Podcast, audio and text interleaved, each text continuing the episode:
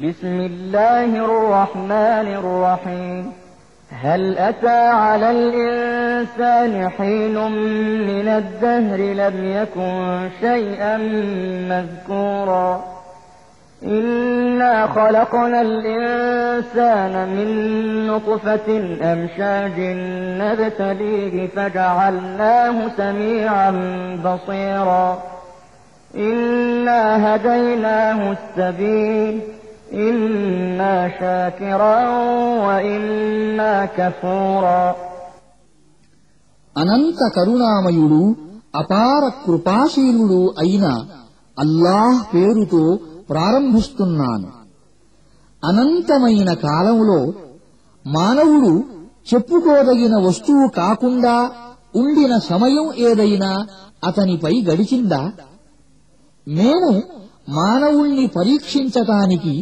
అతనిని ఒక మిశ్రమ వీర్య బిందువుతో సృష్టించాము.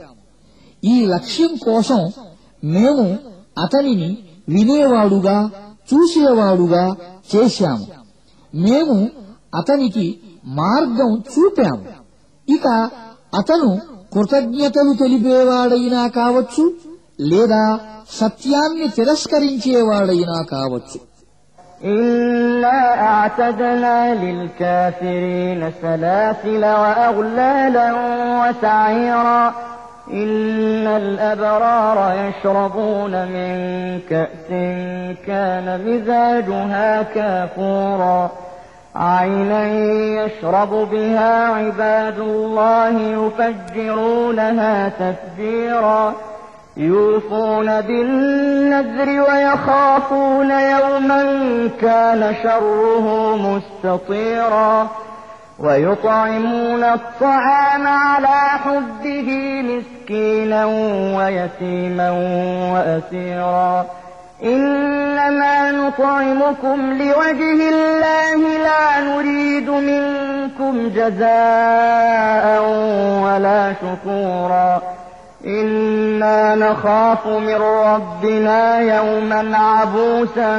قمطريرا సత్య తిరస్కారుల కొరకు మేము సంకెళ్లను కంఠపాశాలను మండే అగ్నిని సిద్ధపరచి ఉంచాము సజ్జనులు స్వర్గంలో కర్పూర జలం కలిపిన మధుపాత్రలను సేవిస్తారు ఇది ప్రవహించే ఒక సెలయేరు దైవదాసులు దాని నీటితో పాటు మద్యం సేవిస్తారు.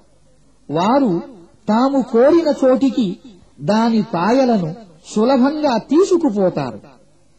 వారు ఎలాంటి వారంటే ప్రపంచంలో మొక్కుబడి చెల్లించేవారు.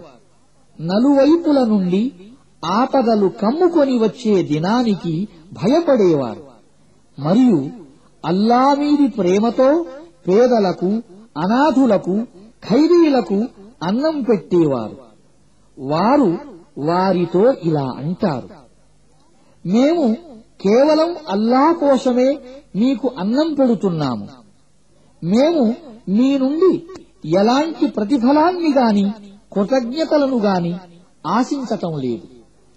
దుర్భరమైన ఆపదలతో కూడుకున్న సుదీర్ఘమైన రోజున మా ప్రభువు విధించే శిక్ష గురించి మేము భయపడుతున్నాము فوقاهم الله شر ذلك اليوم ولقاهم نضرة وسرورا وجزاهم بما صبروا جنة وحريرا متكئين فيها على الأرائك لا يرون فيها شمسا ولا زمهريرا ودانية عليهم ظلالها وذللت قطوفها تذليلا ويطاف عليهم بآنية من فضة وأكواب كانت قواريرا قوارير من فضة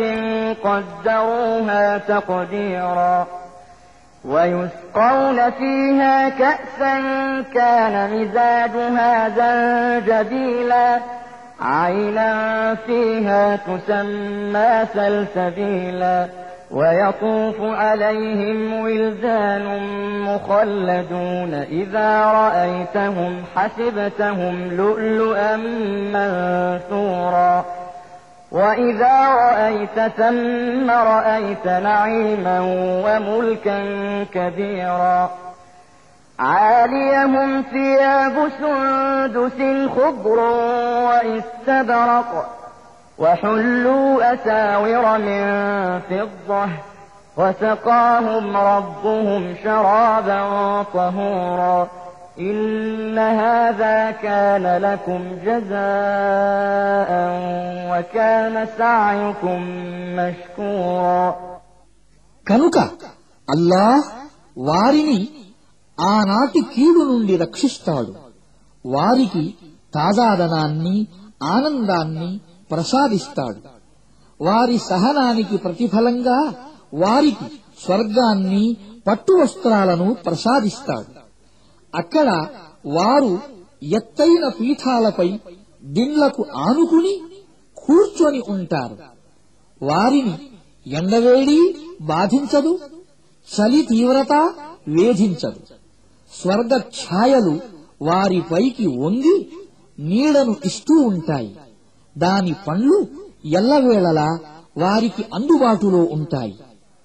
వారు తమ ఇష్టానుసారం వాటిని తెంచుకొని తింటారు.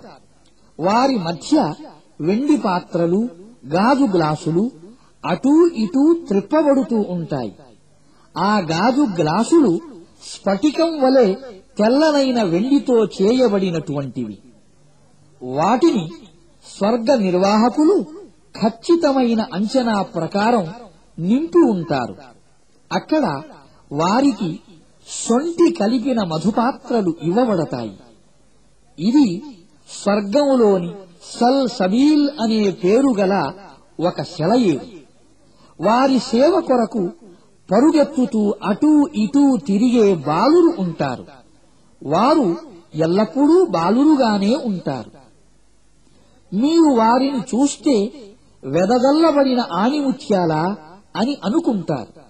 అక్కడ మీరు ఎటు చూచినా దైవానుగ్రహాలే మీకు కనిపిస్తాయి. ఇంకా ఒక మహత్తర సామ్రాజ్య వైభవం కనిపిస్తుంది. వారి ఒంటిపై సన్నని ఆకుపచ్చని పట్టు వస్త్రాలు ఖరీదైన జలతారు అల్లిన దుస్తులు ఉంటాయి. వారికి వెండి మురుగులు తొడుగుతారు. వారి ప్రభువు వారికి ఎంతో పరిశుద్ధమైన మద్యాన్ని ప్రసాదిస్తాడు మీకు లభించే ప్రతిఫలం ఇది మీరు చేసిన పనులు విలువైనవిగా గుర్తించబడ్డాయి إنا نحن نزلنا عليك القرآن تنزيلا فاصبر لحكم ربك ولا تطع منهم آثما أو كفورا واذكر اسم ربك بكرة وأصيلا ومن الليل فاسجد له وسبحه ليلا طويلا إن هؤلاء يحبون العاجلة ويذرون وراءهم يوما ثقيلا. نحن خلقناهم وشددنا أسرهم وإذا شئنا بدلنا أمثالهم تبديلا. إن هذه تذكرة فمن شاء اتخذ إلى ربه سبيلا. وما تشاءون إلا أن يشاء الله إن الله كان عليما حكيما يدخل من يشاء في رحمته والظالمين أعد لهم عذابا أليما ఓ ప్రవక్త మేమే ఈ ఖురానును కొంచెం కొంచెంగా నీ పైన అవతరింపజేశాము. కనుక నీవు నీ ప్రభు ఆజ్ఞ విషయములో సహనం వహించు. వారిలోని ఏ దుర్మార్గుని మాటలుగాని ఏ సత్య తిరస్కారి మాటలుగాని వినకు. నీ ప్రభువు పేరును ఉదయం సాయంత్రం స్మరించు. రాత్రివేళ కూడా ఆయన సన్నిధిలో సాష్టాంగపడు. రాత్రివేళ సుదీర్ఘ సమయాలు ఆయనను స్తుతించటంలో గడుపుతూ ఉండు. వారైతే తొందరగా లభించే దానిని ప్రేమిస్తున్నారు. మున్ముందు రానున్న భారమైన దినాన్ని విస్మరిస్తున్నారు. మేమే వారిని సృష్టించాము. వారి కీళ్ళను పటిష్టపరిచాము. మేము ఎప్పుడు కోరితే అప్పుడు వారి రూపాలను మార్చగలము. ఇదొక హితోపదేశం. ఇప్పుడిక ఇష్టమైన వారు తమ ప్రభువు వైపునకు పోయే మార్గాన్ని అవలంబించవచ్చు. అల్లా కోరనంత వరకు మీరు కోరినంత మాత్రాన ఏమీ కాదు. నిశ్చయంగా అల్లాహ్ గొప్ప జ్ఞాని గొప్ప వివేకి. తాను కోరిన వారిని తన కారుణ్య ఛాయలోనికి తీసుకుంటాడు.